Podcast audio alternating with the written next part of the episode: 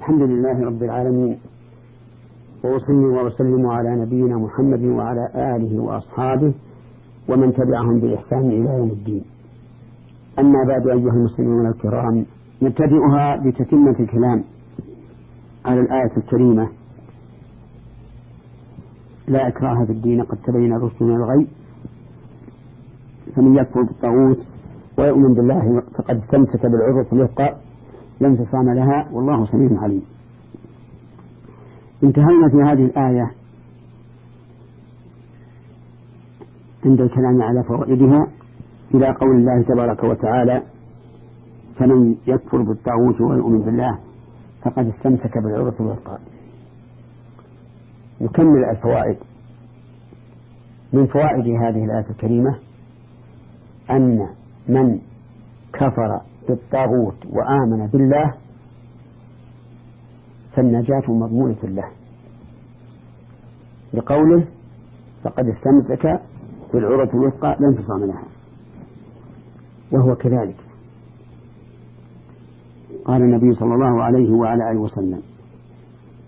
من أحب أن يزحزح عن النار ويدخل الجنة فلتأتي منيته وهو يؤمن بالله واليوم الآخر وليأتي إلى الناس ما يحب أن يؤتى إليهم من فوائد هذه الآية الكريمة إثبات اسمين من أسماء الله هما السميع والعليم فبسمعه جل وعلا يسمع كل شيء كل صوت وأن خفي يعلم السر وأخفى عز وجل قال الله تعالى وإن تجهر بالقول فإنه يعلم السر وأخفى أخفى من السر وهو ما حدث الإنسان به نفسه كما قال الله تعالى ولقد خلقنا الإنسان ونعلم ما توسوس به نفسه ونحن أقرب إليه من حبل الوريد إذ يتلقى المتلقيان يعني عن اليمين وعن الشمال قائل ومن فوائد هذه هذه الآية الكريمة إثبات علم الله نعم آه، إثبات علم الله المستفاد من الاسم الكريم عليم لأن أسماء الله تعالى كلها تدل على معاني ليس فيها اسم جامد لا يدل على معنى أبدا كل أسمائه تدل على ما على ما تضمنته من المعاني قال العلماء وكذلك أسماء النبي صلى الله عليه وعلى آله وسلم كلها تدل على ما تضمنته من معاني وكذلك أسماء القرآن واعلم أن علم الله تبارك وتعالى محيط بكل شيء جملة وتفصيلا قال الله تبارك وتعالى الله الذي خلق سبع سماوات ومن الأرض مثلهن يتنزل الأمر بينهن لتعلموا أن الله على كل شيء قدير وأن الله قد أحاط بكل شيء علما وقال الله تبارك وتعالى وكان الله بكل شيء عليما وقال تعالى في تفصيل علمه وعنده مفاتح الغيب لا يعلمها إلا هو ويعلم ما في البر والبحر وما تسقط من ورقة إلا يعلمها ولا حبة في ظلمات الأرض ولا رطب ولا يابس إلا في كتاب مبين وإذا علم وإذا آمن الإنسان بهذا العلم لازم أن يخشى الله عز وجل لأنه إن تكلم علم, علم الله به وإن فعل علم الله به وإن ترك شيئا مأمورا به علم الله به فإن أسر شيئا في نفسه علم الله به قال الله تعالى واعلموا أن الله يعلم ما في أنفسكم فاحذروه فمتى آمن الإنسان بهذا الاسم وما تضمنه من الصفة فلا بد أن يحدث له خوفا من الله وخشية منه حتى لا يعلمه عز وجل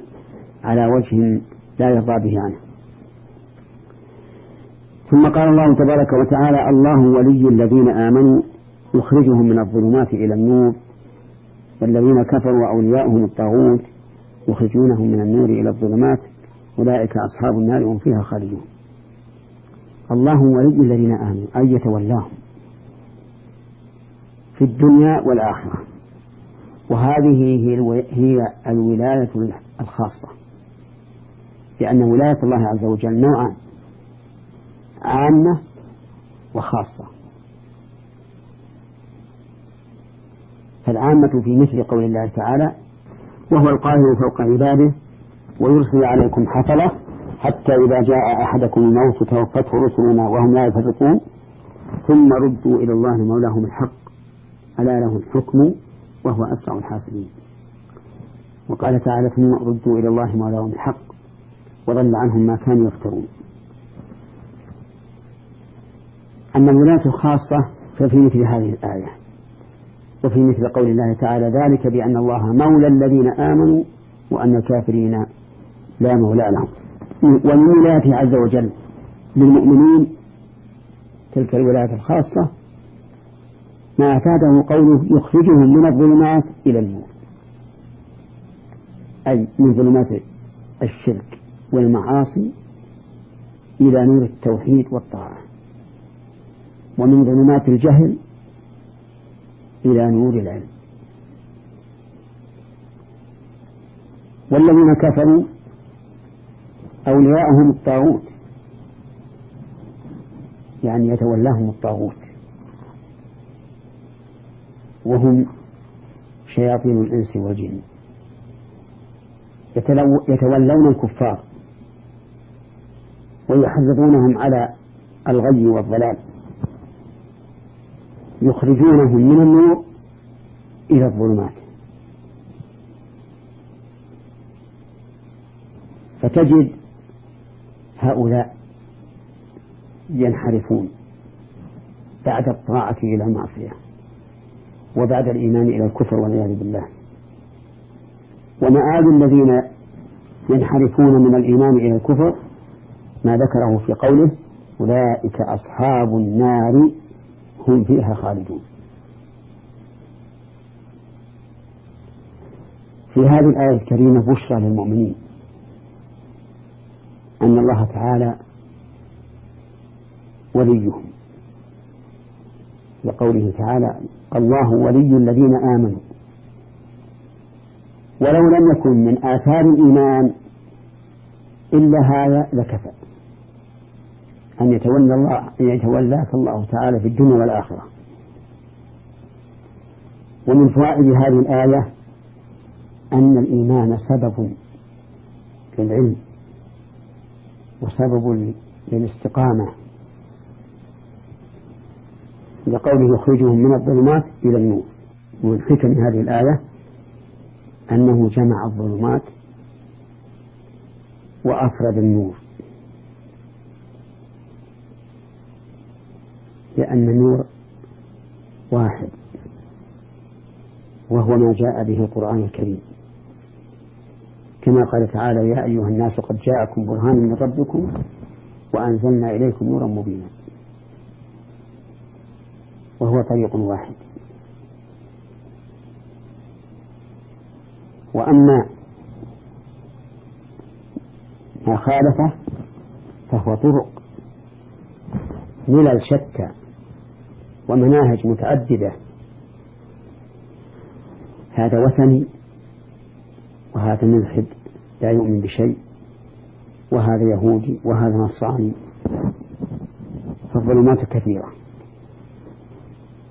ولهذا قال تعالى وأن هذا صراطي مستقيما فاتبعوه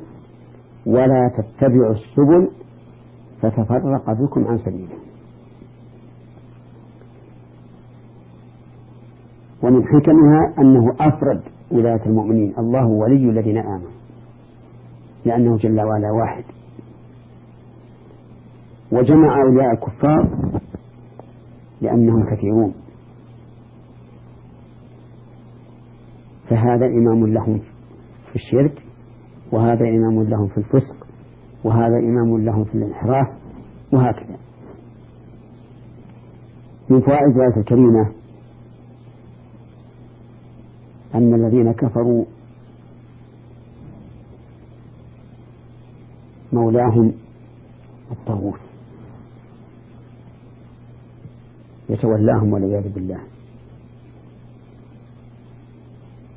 ولهذا قال عز وجل ومن يعش عن ذكر الرحمن نقيض له شيطانا فهو له قريب ومن فوائد الآية الكريمة أن الكفار في غلام في ظلمة حتى لو استناروا بعض الشيء فإن مردهم إلى الظلمات ولهذا قال يخرجونهم من النور إلى الظلمات أي من نور الهدى والإسلام إلى ظلمات الضلال والكفر ومن فائدة هذه الآية الكريمة أن الكفار مخلدون في النار بقوله أولئك أصحاب النار هم فيها خالدون ولم يذكر ثواب الذين آمنوا لأن الأشياء تعرف بضدها فإذا كان الكفار أو أصحاب النار هم فيها خالدون فالمؤمنون أصحاب الجنة هم فيها خالدون أسأل الله تبارك وتعالى أن يجعلنا جميعا من أصحاب الجنة خالدين فيها نتمتع برؤية الله عز وجل وبصحبة النبيين والصديقين والشهداء والصالحين إنه جواد كريم والحمد لله رب العالمين وصلى الله وسلم على نبينا محمد وعلى آله وصحبه أجمعين وإلى حلقة قادمة إن شاء الله والسلام عليكم ورحمة الله وبركاته